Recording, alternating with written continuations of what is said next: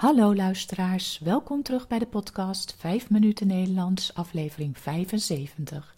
Het is vandaag woensdag 16 februari 2022. Als je de tekst van deze podcast wilt lezen, kijk dan op de website petje.af slash 5 minuten Nederlands. Als je de teksten van eerdere podcasts wilt ontvangen of vragen hebt, stuur dan een e-mail naar 5minutennl.gmail.com.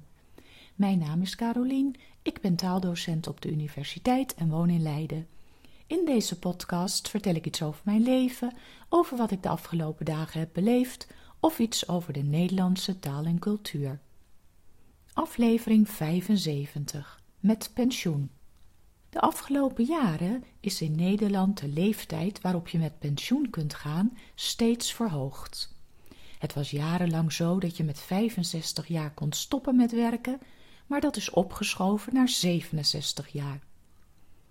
Zoals je misschien weet, hebben we hier een goed sociaal stelsel en dit betekent dat iedereen die in Nederland woont of werkt op 67-jarige leeftijd AOW ontvangt.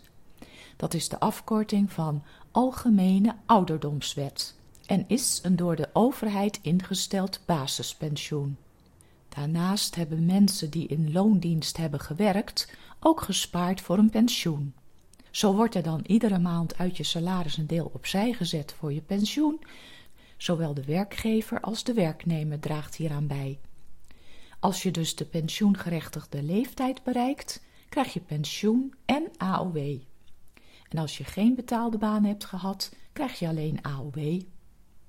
Vorig jaar zijn twee collega's van mij met pensioen gegaan.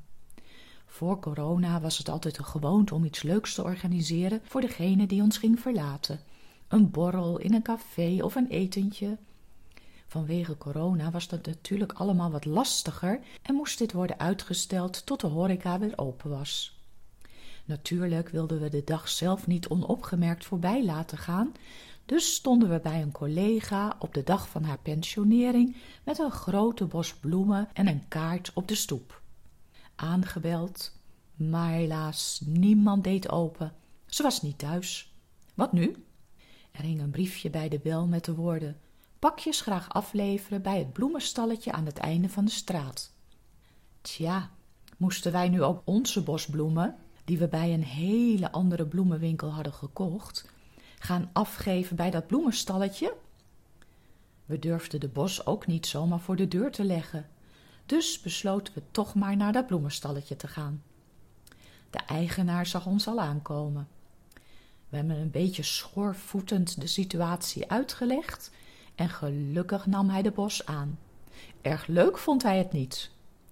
Diezelfde middag hoorden we van onze collega dat hij toch goed op de bloemen had gepast, want inmiddels stonden ze bij haar thuis in een vaas. Als een hoogleraar bij de universiteit met pensioen gaat, noemen we dat anders. Hij of zij gaat met emeritaat. En daarbij hoort ook een officieel afscheidscollege. Dit betekent dat de betreffende hoogleraar nog eenmaal een echt college geeft, waarbij familie, vrienden en ook studenten in de zaal zitten. Natuurlijk is het niet een gewone collegezaal, maar een mooie, deftige zaal in het academiegebouw. De professor mag zelf het onderwerp van zijn college bepalen. Voorafgaand aan het afscheidscollege gaan de mensen vast in de zaal zitten, het orgel speelt.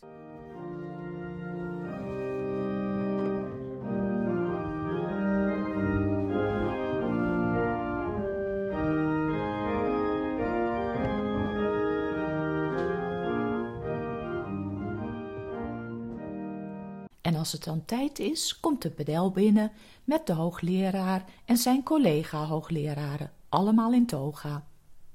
Het afscheidscollege is altijd een plechtige gebeurtenis, net als een oratie. Dat is een lezing die een hoogleraar geeft als hij zijn ambt als hoogleraar aanvaardt. Na afloop van het college volgen er dan toespraken van de rector, de decaan en anderen. En dan is er een receptie en eventueel een diner. De laatste keer was vlak voor de lockdown in december. De hoogleraar die met emeritaat ging, had al tweemaal zijn afscheidscollege moeten verzetten vanwege corona. Maar nu kon het dus eindelijk doorgaan. Hij moest nog wel op het laatste moment de lijst met genodigden halveren, dus dat was minder leuk. Maar misschien is afscheid nemen met een klein groepje mensen die je na aan het hart staan wel mooier dan een volle zaal met mensen die komen om vooral niets te willen missen. Ik vond het in ieder geval een heel mooie en bijzondere bijeenkomst. Dit was het weer voor vandaag. Ik wens jullie een hele fijne week en tot de volgende keer. Dag!